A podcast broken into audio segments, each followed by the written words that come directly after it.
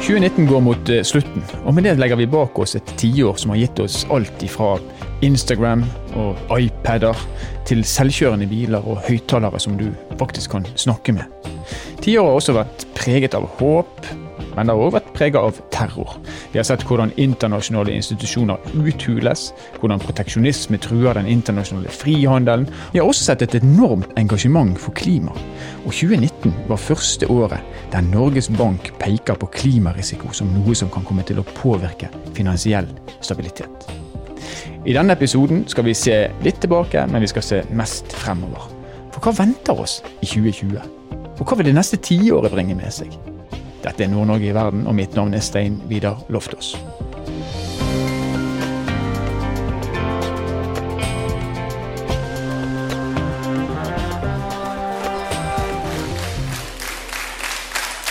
Tusen hjertelig takk. Og kjære, kjære alle sammen. Gratulerer med det beste lokalvalget i partiets 99-årige historie. 2019 var også året der Senterpartiet gjorde et brakvalg i mange nordnorske kommuner. Og Trygve Slagsvold Vedum han fosser fortsatt frem på meningsmålingene. Og Vi starter denne episoden på Universitetet i Tromsø, Norges arktiske universitet. For der sitter du, statsviter og valgekspert Markus Bock. Velkommen til oss. Takk for det. Vil du kalle høstens lokalvalg et protestvalg?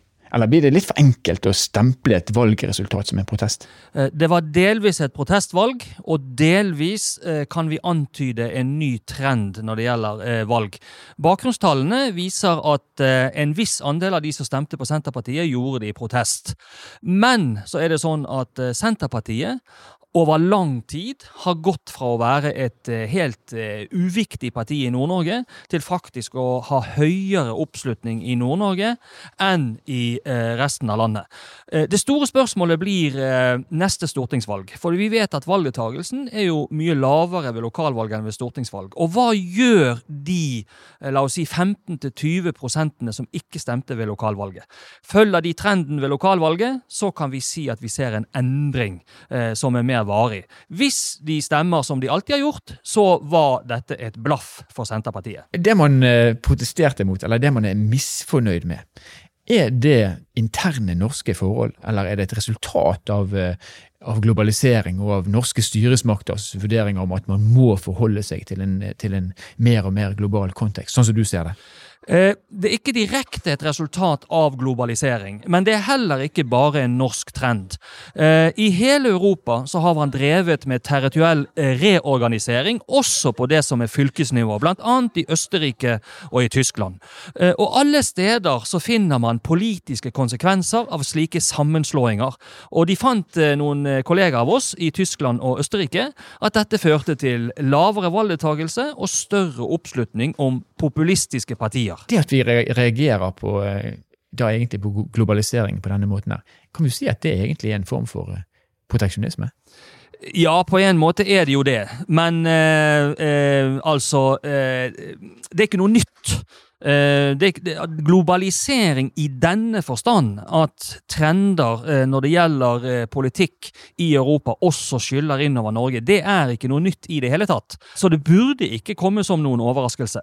Og så er det jo sånn da, at det er jo summen av disse såkalte sentraliserende tiltakene som har fått folk til å protestere. Et enkeltvedtak som fylkessammenslåing vil ikke gjøre noe med det totalt sett. Og det er også sånn at eh, vi har nettopp gjort en stor undersøkelse som viser at det egentlig bare er i Finnmark og Troms hvor man virkelig har fått en motmobilisering mot eh, fylkessammenslåinger.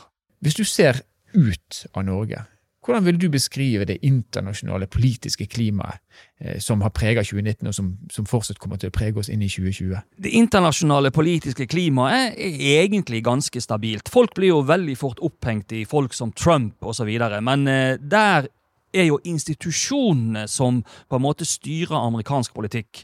Og så glemmer vi jo ofte at selv om eh, den amerikanske presidenten er verdens mektigste politiker på den internasjonale arena, så er presidenten veldig svak på den hjemlige arena, fordi at makten egentlig ligger hos delstatene. Og hvis man ser bort ifra medieoppslagene og kriseoppslagene, og ser heller på statistikk, FN-statistikk og den type ting, så går faktisk verden noenlunde fremover. Og eh, dette året har eh, vært like godt som de foregående årene. Eh, det virker som om folk glemmer dette her. Altså, Tenk på FNs fattigdomsmål. Det ble oppnådd før tiden. Vi sliter med intern ulikhet i en del land, og det er protester rundt omkring. Men anlegger vi et litt lengre perspektiv, så lever vi egentlig i en ganske normal periode. Hvordan kan vi forvente at dette her kommer til å påvirke Nord-Norge? I veldig liten grad. Eh, vi er veldig godt beskyttet eh, på mange måter. Altså, Den strategiske posisjonen gjør at eh, selv en person som Trump egentlig ikke vil tukle for mye med Norge, og Russland vil heller ikke tukle for mye med forholdet, for det har alltid vært godt. De har, disse folkene har mer enn nok konflikter andre steder å forholde seg til. Hvis vi ser til USA og den posisjonen som USA har i verden i dag, kontra den posisjonen de har hatt i tidligere år, er det begynnelsen på slutten av USA sin posisjon som den ledende verdensmakten? Eller tenker du at uh, dette her er forbigående, og når, når Trump er, uh, Trumps epoke er over, så skal vi gå tilbake til normalen? Eh, det er et veldig interessant spørsmål. Eh, hvis vi tenker tilbake og husker hvordan det var på 1950-tallet, eh, da sa de mange forståsegpåere at om noen få år så vil Sovjetunionen ha gått forbi USA i industriproduksjon, altså produksjon av kull og stål. Blant annet Khrusjtsjov sa det. Uh, og det gjorde Sovjetunionen når vi kom på slutten av 60-tallet. Det var bare det at Da hadde man begynt å utvikle computere i USA. Og så var det neste at, uh, at uh, Japan ville gå forbi USA.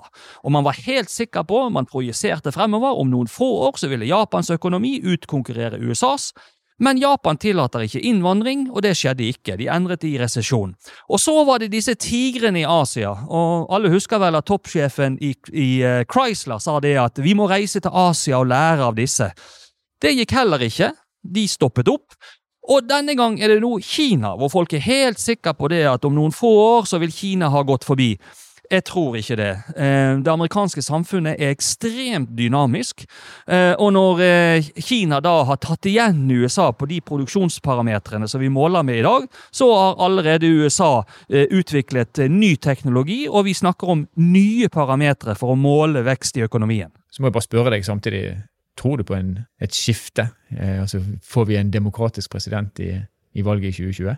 Det er veldig eh, vanskelig å si, men jeg tror at vi vil få en eh, demokratisk eh, president. Eh, det er av eh, mange grunner, eh, men det viktigste er da at demokratene klarer å finne en kandidat som appellerer til en del av de velgerne som har gått til Trump, og ikke minst de som valgte å sitte hjemme etter Obama-perioden. Jeg nevnte også at store internasjonale institusjoner er er under press. Vi har et Nato som eh, ja, Vi ser at Frankrike, Tyrkia har, eh, har sterke meninger om Natos fremtid, og det krangles både internt, og det stilles krav fra USA som er vanskelig for de andre landene å forholde seg til. Og så har vi et EU der sterke krefter forsøker å presse frem en større grad av proteksjonisme. Og vi har ikke engang begynt å snakke om, om brexit. Hvis du ser inn i, inn i fremtiden, inn i, i årene som ligger fremfor oss nå, hva kommer til å skje? Er det, her, eh, er det på si, begynnelsen på slutten, eller er det bare en uh, naturlig og kanskje midlertidig korrigering? Eh, det siste. Naturlig og midlertidig korrigering. Det er jo litt synd at Storbritannia forsvinner ut av EU, for de var jo noen viktige bråkmakere til å ha der, som står imot aksen eh, Paris-Berlin. Men egentlig så har jo disse vært uvillige medlemmer i EU hele tiden. Også når det gjelder Nato, så er det sånn at det at det krangles om fundamentet i Nato, viser hvor viktig Nato er. Det hadde vært mye verre hvis både EU og Nato hadde gått fullstendig i glemmeboken, og alle avisforsidene hadde dreid seg om helt andre ting. Så EU er her for å bli. Det kommer til å bli justeringer, og de spenningene som er i EU, de kommer til å fortsette. Nato kommer til å fortsette. Det er helt utenkelig at vi ser for oss at land går ut av, eh, av Nato i den verden vi har i dag. Så eh, jeg er nok ganske optimistisk eh, anlagt, ja. Tusen takk for at uh, vi fikk låne av din tid, uh, Markus Buch, førsteamanuensis ved Institutt for samfunnsvitenskap ved Universitetet i Tromsø, Norges arktiske universitet.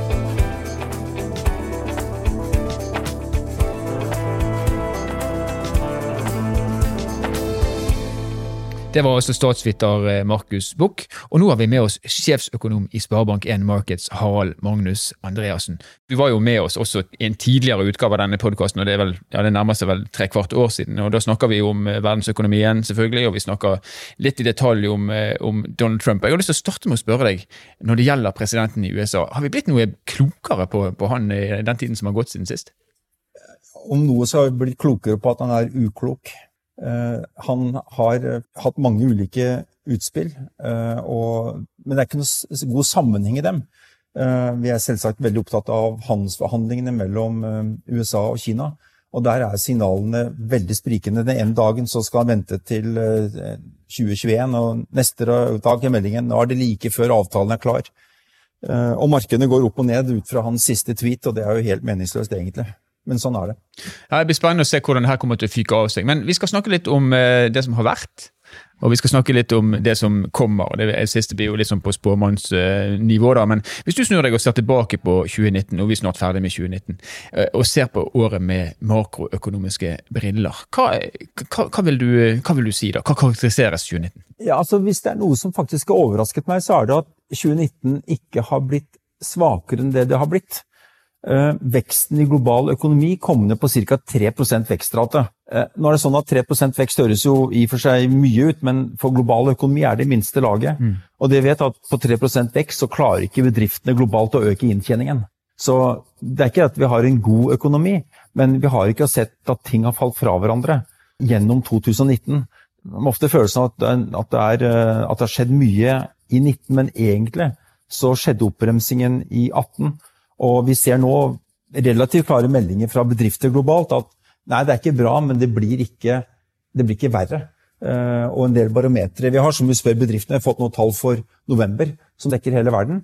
Og der er aktiviteten nå bedre enn den var uh, på vårparten og forsommeren. Men det er fortsatt mye usikkerhet. Altså, vi ser det på målinger blant beslutningstakere. At de ikke skjønner hva som skjer og er veldig usikre på de økonomiske utsiktene.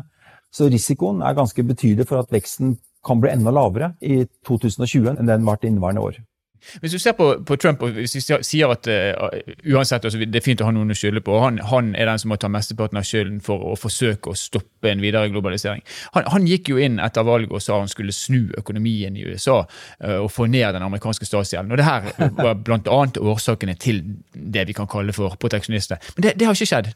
Gjelden har økt. Han sa jo at han skulle nedbetale amerikanske statsgjelden på jeg tror det var åtte år. Ja. Om Skulle han klare det, så måtte han ha hatt enorme overskudd statsfinansene som et, et, et, aldri noe land, bortsett fra Norge da, og Singapore kanskje, som har hatt sånn overskudd som kunne ha klart noe sånt. Men USA har ikke enorme overskudd. Eh, det Trump gjorde, det var å få vedtatt store skattelettelser i en situasjon hvor økonomien egentlig gikk i, i full speed og ledigheten var lav. Eh, og det har presset ledigheten enda litt lenger ned. Men det har ført til at du har et budsjettunderskudd nå på 7% av BNP, altså av verdiskapingen i USA. Og det er samtidig som du har den laveste ledigheten på 50 år, og du har ikke noe krig som kan forklare det. Nei. Eh, og dette har vi aldri sett før. Så det er et massivt budsjettunderskudd, og statsgjelden til USA stiger. Men det er den gode nyheten at det er bare i USA og så vidt nå i Japan at gjelda stiger som andel av, av BNP. I alle andre rike land så faller statsgjelda. Fordi at konjunkturen er sterk, ledigheten er lav, og da kommer alltid pengene tilbake til statskassa. Og det skal den, sagt, må den gjøre når økonomien er god, og så kan staten bruke mer penger når økonomien er dårlig.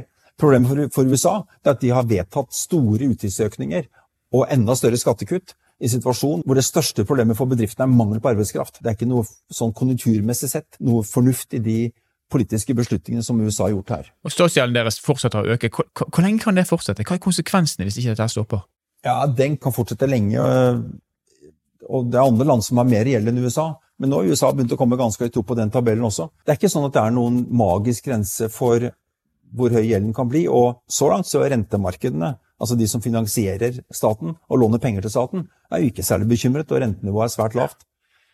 Så dette er jo håndterbart i dag, men det er ikke håndterbart på lang sikt. Det tror jeg det er veldig få som uh, vil mene. Men det er ikke sånn at de står overfor noen umiddelbar katastrofe, og de vil ikke gå konkurs på statsgjelda si. De har lånt i egen valuta, og de kan selv trykke penger.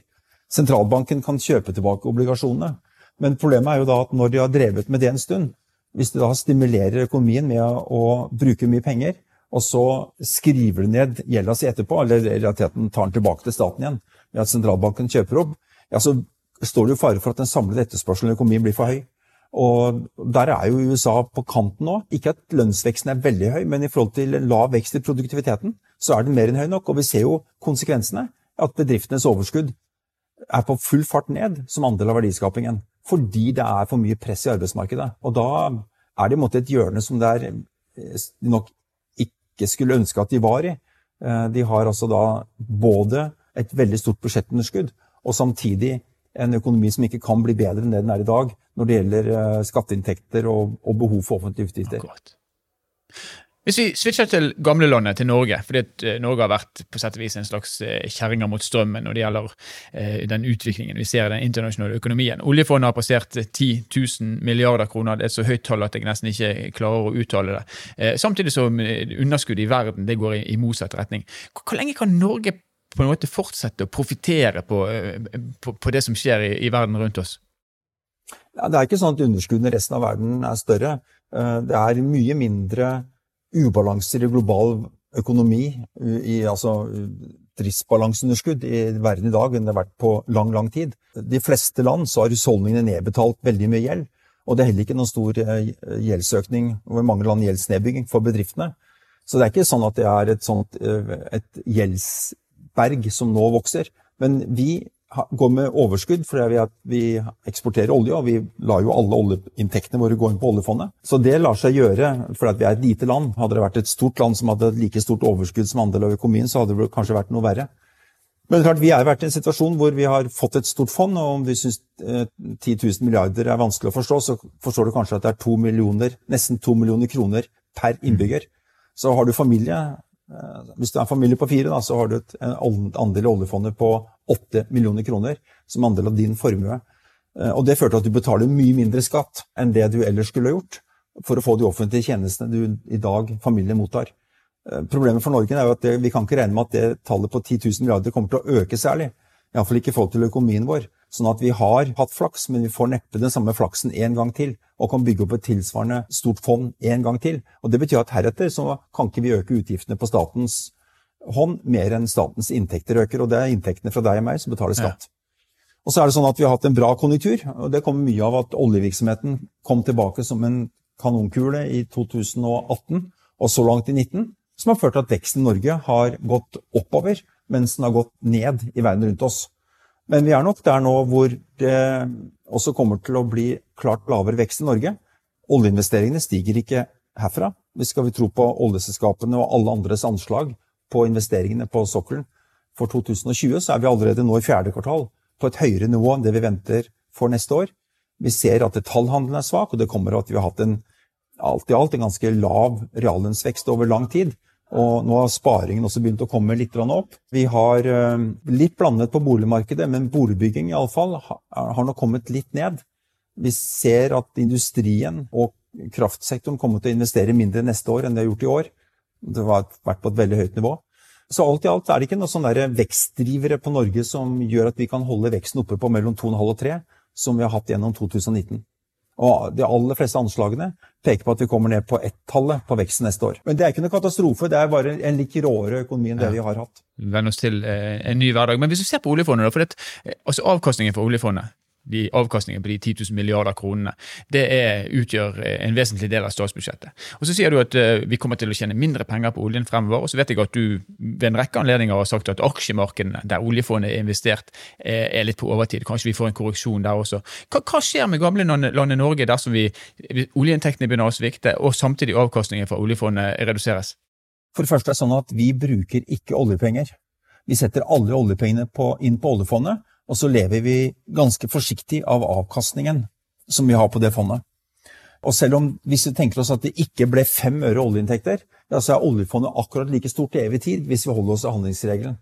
Ja, hvis vi ser bort fra at det kan skje noe med verdien av fondet for at aksjekursene kan falle. Det var det jeg tenkte. Mm. Ja, nå er det sånn at Vi bruker ikke mer enn, vi bruker nå faktisk under 2,5% av den fondsverdien vi nå har. Og jeg tror ikke det er mange som vil si at det på lang sikt ikke skal være mulig å kunne tjene et par-tre prosent eh, i realavkastning på eh, god og fornuftig langsiktig finansforvaltning, hvor du kan ta mye risiko og eie aksjer. For du er ikke avhengig av hva av å ha løpende overføringer. altså Det, det du tar ut av oljefondet er så lite at du kan ta risikoen på at det, verdien kan svinge mye uten at du skal bekymre deg for det. Mm. Kanskje man kan si at vi har strukket strikken litt langt. Eh, hvis vi får et ordentlig tilbakeslag i global økonomi, så vil nok også norsk økonomi bli påvirket, aksjemarkedene bli påvirket. sånn at vi da vil komme til å ta ut mer enn 3% av fondet. Og det vil være riktig en sånn situasjon, for vi kan ikke da eh, redusere uttaket fra fondet bare fordi verdien har falt fra et år til neste.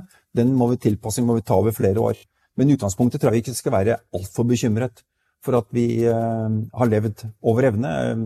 Det er ingen annen i verden som har klart å leve så forsiktig som Norge har gjort, etter å ha tjent så mye penger som det vi har gjort. Så jeg tror norske systemet, det politiske systemet, skal ære av at vi har klart å forvalte oljeformuen på en måte som ingen andre har klart, og som ingen trodde at det var mulig å få til. Og den langsiktigheten vi der, den, eh, den skal vi være, være stolte av. Så kan det selvfølgelig komme tider hvor eh, vi ikke kan regne med at vi kan øke overføringene. Det kan til og med komme perioder hvor vi må redusere overføringene fra eh, oljefondet til, tilbake til budsjettet. Men de kuttene som eventuelt måtte da komme, ja, de ville være bagatellmessige i forhold til det mange land har gjennomført etter at de har ført en fullstendig uansvarlig finanspolitikk i første omgang. Etter finanskrisen for eksempel, var det mange land som fikk så store underskudd etter hvert at de måtte sette næring etter tæring og redusere de offentlige utgiftene og øke skattene. Vi kan nok smake litt på den medisinen, men ikke i nærheten av hva andre har gjennomført før. Så alt i alt, dette er håndterbart. Men forskjellen er likevel er der. Vi har vært vant med i 20 år at vi kunne øke overføringene fra oljefondet jevnt og trutt. Og det ga oss ekstra rom i budsjettene det ga oss ekstra kjøpekraft i hele økonomien vår. Den perioden er nå bak oss. Og for mange politikere så føles nok det som en stor overgang. At de lenger ikke kan øke overføringene fra fondet på samme måte som de gjorde før. Men det er ikke noe krise. Det er i så fall en veldig fornem krise. Her hører jeg, Det er, det er kred til styresmaktene. Det, det håper, jeg, håper, jeg, de hører på. Det gjør meg antakelig fortjent. Ja, de fortjener ja, ikke sant?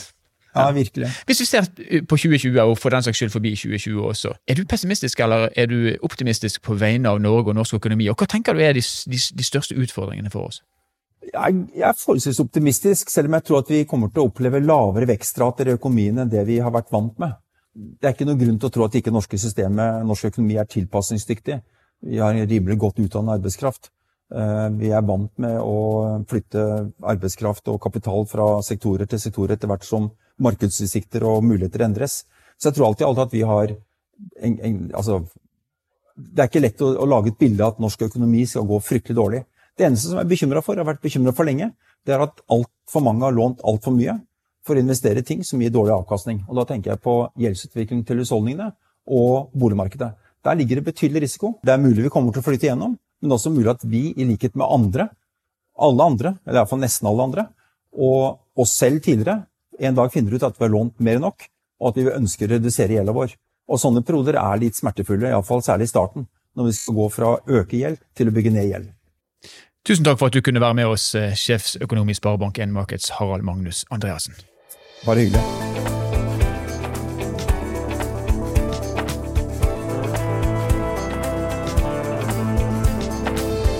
Når vi snakker om økonomi, så eh, er det greit å slå fast at boligpriser og utviklingen i boligprismarkedet det utgjør en vesentlig del av et lands økonomi. Og Vi vet òg at boligprisene i Nord-Norge har vokst kraftig de siste ti årene. Det har det for så vidt gjort eh, stort sett i, i hele Norge, men vi ser òg at utviklingen er prega av store forskjeller. Spesielt mellom eh, distriktet og byene. I Nord-Norge er det slik at uh, verdien av en gjennomsnittlig bolig i Tromsø og Bodø har økt med over en halv million kroner bare fra 2013 til 2017, altså på fire år. I samme tid så har altså boliger i distriktet økt med bare 140 000 kroner, så forskjellene er store. Og Med oss nå har vi sjefsøkonom Neira Makic ved Prognosesenteret. Eh, og Neira, utviklingen som vi har sett når det gjelder boligprisen i Norge, er den unik? Eller kan vi se samme i, eh, den samme utviklingen i andre land? Nå den siste tiden så har faktisk eh, boligprisene i Norge omtrent stått stille. Hvis vi justerer for inflasjon, så får vi det vi kaller realboligpriser. Og justert for inflasjon så er det ikke noe endring i boligprisene. Eh, så det står helt flatt. Og sammenligner vi det med andre land, så har vi nå en mye mer stabil prisutvikling enn det man ser i de fleste andre land. Så nå er vi i en situasjon der Eh, vi igjen er litt spesielle fordi vi har en så stabil utvikling, men vi er da midt på treet. Verken blant de landene med den sterkeste pris, prisutviklingen eller blant de landene med den svakeste. Men hva faktorer er det som påvirker boligprisene? I tillegg til eh, renta, så er det andre makroøkonomiske eh, drivere, som vi så fint kaller det. Det er inntektsvekst, eh, og spesielt realinntektsvekst. Situasjonen på arbeidsmarkedet, utviklingen i arbeidsledighetsraten, utviklingen i sysselsettingsveksten, og ikke minst demografien. Er det ikke noe befolkningsvekst, så er det veldig lite sannsynlig at det blir boligprisvekst. Der folk flytter, der oppstår det en boligetterspørsel, og boliger bygges også der folk flytter. Så dette er nesten sånn høna eller egget-diskusjon, hva som kommer først. Om det er boligbyggingen eller boligetterspørselen. Men begge de sammen påvirker helt klart boligprisene. I tillegg så er det en del eh, reguleringer eh, som vi har sett flere ganger, spesielt på kredittsiden. Når vi får en boliglånsforskrift som hindrer enten visse grupper i, i samfunnet eller alle i å få like mye lån som det de kunne få før, så sier det seg selv at det også reduserer boligetterspørselen og dermed boligprisene. Kan vi si noe om eh, hvordan utviklingen kommer til å bli i årene som kommer? Og for så vidt også kan vi si noe om hvordan eh, boligmarkedet påvirker stabiliteten i samfunnsøkonomien ellers? Vi eh, venter at den stabile utviklingen i boligprisene vil fortsette. Og vi tror det blir en veldig moderat utvikling. Vi har tidligere uttalt at vi tror det i beste fall vil være et eh, boligmarked som er i dvalemodus. Det betyr at vi egentlig på kort sikt eh, venter noe fallende boligpriser. I slutten av 2019 så er vi ganske sikre på at boligprisene kommer til å fortsette å falle, altså dvs. Si ut desember. Og så tror vi januar og starten på 2020 kommer til å bli roligere enn det som er vanlig til eh, den tiden på året å være. Eh, når det er sagt, så tror vi boligprisene kanskje får et bitte, bitte lite oppsving utover året neste år, men alt i alt så er vi ganske sikre på at vi ikke kommer tilbake til en 2016-situasjon med veldig sterk prisvekst. Det er det ingenting som indikerer. Så vi tror at eh, på lang sikt så burde du ikke kjøpe bolig for eh, det, fordi du tror det er det du skal bli rik av, men du burde kjøpe deg bolig for å bo i den. Og så finnes det kanskje andre ting man kan investere i som kommer til å kaste mer av seg eh, fremover enn akkurat boligmarkedet. Og boligmarkedet påvirker stabiliteten i norsk økonomi gjennom at 80 av eh, nordmenn eier egen bolig. Det er blant de høyeste eierratene i hele verden, spesielt i Europa. Og det betyr også at veldig mye av formuen vår og sparingen vår er plassert i boligmarkedet. I mange andre land så er eh, husholdningenes eh, sparing mer spredt utover. Dvs. Si de sparer mer i aksjer, i fond, i mer på en måte aktiv kapital. Å spare i bolig er jo egentlig som å spare i død kapital. Det, det skaper jo ikke noe særlig arbeidsplasser eh, når du kjøper en bruktbolig eh, for å bo i den så er det en fin form for sparing. Det er jo bedre enn å betale leie til noen andre som da bruker det igjen som sparing. Men det bidrar ikke til å, å skape nye arbeidsplasser som hvis man investerer f.eks. I, i bedrifter, eh, aksjer, fond osv. Så, videre. så når eh, boligprisene faller, så har det en større konsekvens for norsk økonomi enn kanskje boligprisfall har i andre land, der eh, husholdningene ikke sitter like dypt og tungt eh, nede i boligmarkedet som vi gjør her hjemme. Boliglånsforskriften den kom for noen år siden, og det var et eh, virkemiddel for å hindre at prisene skulle vokse rett gjennom taket. Og Den har vært justert, og den justeres også nå ved inngangen til, til 2020. Eh, mange hevder at boliglånsforskriften rammer førstegangskjøpere. Hva betyr boliglånsforskriften for utviklingen i boligprisene? Boliglånsforskriften var eh, en veldig viktig bidragsyter til at eh, den ville utviklingen i boligprisene vi så i 2016, at den stoppet opp i 2017 og faktisk snudde til en nedgang. Eh, nå har vi hatt et par år på å se hvilke effekter boliglånsforskriften har hatt. Det vi kan konkludere med, er at den har ført til langt mer moderat boligprisutvikling enn det vi mest sannsynlig ville hatt uten boliglånsforskriften. Og det man også har sett, er at det har blitt flere førstegangskjøpere. Ehm, dette er en rapport eh, Samfunnsøkonomisk analyse har gjort med tall fra Ambita for NEF. Ehm, som viser at eh, det er flere førstegangskjøpere hittil i 2019 enn det det var i 2018, og det var flere i 2018 enn det det var i 2017. Så jeg vil si jeg er litt uenig med alle de som påstår at, eh, at en videre innstramming av boliglånsforskriften vil føre til at det blir vanskeligere for førstegangskjøpere å komme seg inn i markedet. For til syvende og sist så vil en innstramming på, på, lånetilgangen føre til svakere boligpriser, og det er det egentlig kun førstegangskjøperne som eh, drar nytte av, ikke de som er i boligmarkedet fra før av. Når det er sagt, så er det sånn at Finanstilsynet i høst kom med et forslag til en videre innstramming i boliglånsforskriften. De foreslo at man skulle senke lånetaket fra fem ganger inntekt til maks fire og en halv ganger inntekt. Og så foreslo de også å endre denne fleksibilitetskvoten. En fleksibilitetskvote sier noe om hvor mange tilfeller eller lånesøknader kan banken gjøre unntak fra boliglånsforskriften på. Long story short, eh, Finansdepartementet bestemte seg for å ikke eh, gå videre med dette forslaget fra Finanstilsynet. Så det er vedtatt at boliglånsforskriften eh, også fra 2020 kommer til å stå sånn som den er i dag, og sånn som den ble innført i 1.1.2017. Den eneste endringen man har bestemt seg for å gjøre, den går på BSU. Nå er det sånn at de pengene du har på BSU som førstegangskjøper, de kan du la eh, bli igjen på kontoen. altså Du trenger ikke å sprette BSU-kontoen når du kjøper deg en bolig. Og de eh, pengene som står der, skal både kunne telle inn som egenkapital eh, og gå inn i belåningsgraden, men også gjeldsgraden din. Så det er den eneste endringen som er gjort. Eh, og vi tror ikke denne endringen kommer til å ha noen særlige konsekvenser. Vi stusser egentlig litt over at man gjorde nettopp denne endringen, fordi den kommer jo til å gi et insentiv til dem som kjøper seg ny bolig og som har BSU, til å fortsette å spare i BSU. Og de som har mulighet til å kjøpe seg en ny bolig som førstegangskjøpere og ikke måtte sprette BSU-kontoen, det er kanskje ikke de eh, unge menneskene som har mest behov for BSU.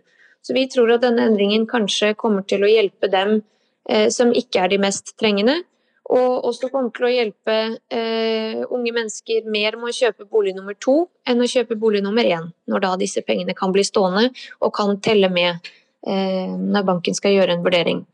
Men alt i alt så tror vi ikke 2020 kommer til å bli preget av noen veldig store endringer. Eh, nettopp fordi boliglånsforskriften i all hovedsak blir stående sånn som den er. Vi vet at boligprisene har økt eh, betydelig mye mer i eh, tettbebygde strøk enn i distriktene. I hvert fall hvis man ser på, på kroneøkningen. Samtidig så ser vi en sentralisering der folk flytter fra bygd til by. Er det noe som tyder på at denne sentraliseringen vil, eh, vil, stoppe, og har boligprisene i så fall noe med det å gjøre?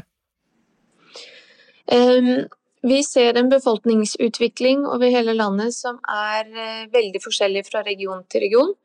Uh, befolkningsutviklingen for Nord-Norge blir jo av noen omtalt som skremmende. Det har uh, f.eks. blitt eh, mer enn 2000 færre mennesker i de tre nordligste fylkene det siste året.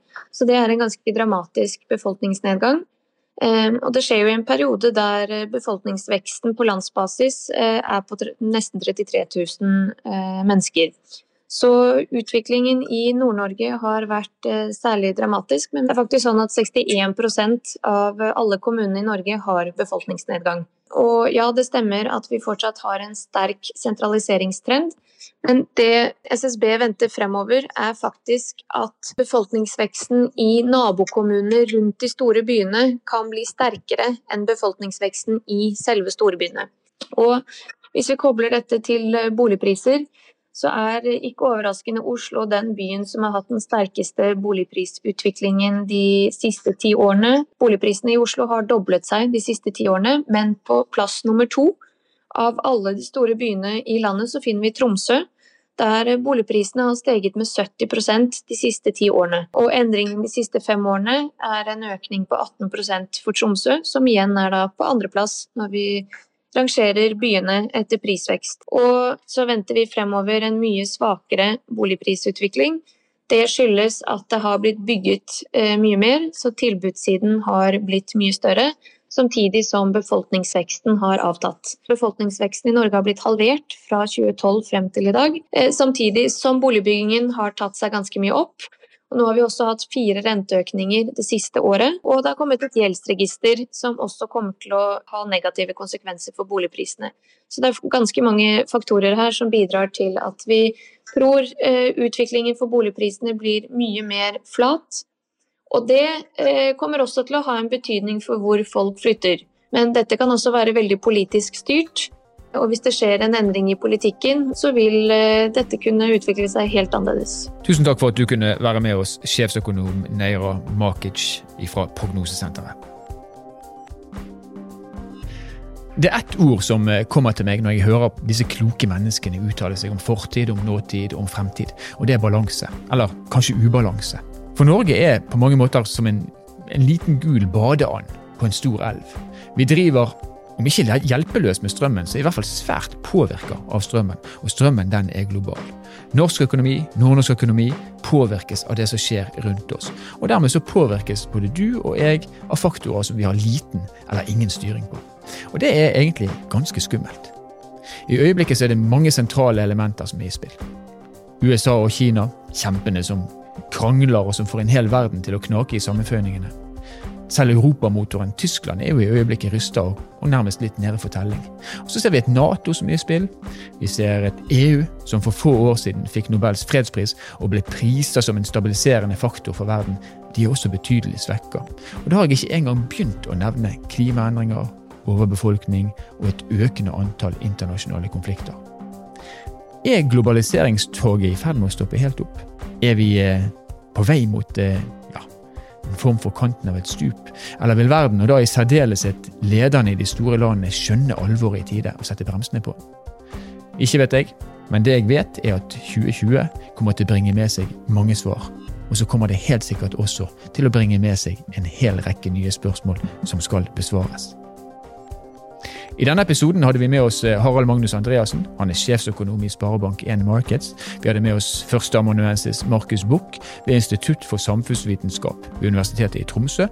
Og vi hørte Neira Makic, som er sjefsøkonom ved Prognosesenteret. Nord-Norge i verden er produsert av Sparebank1 Nord-Norge i samarbeid med Helt Digital.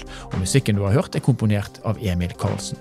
Mitt navn er Stein Vidar Loftaas, og vi høres igjen i 2020.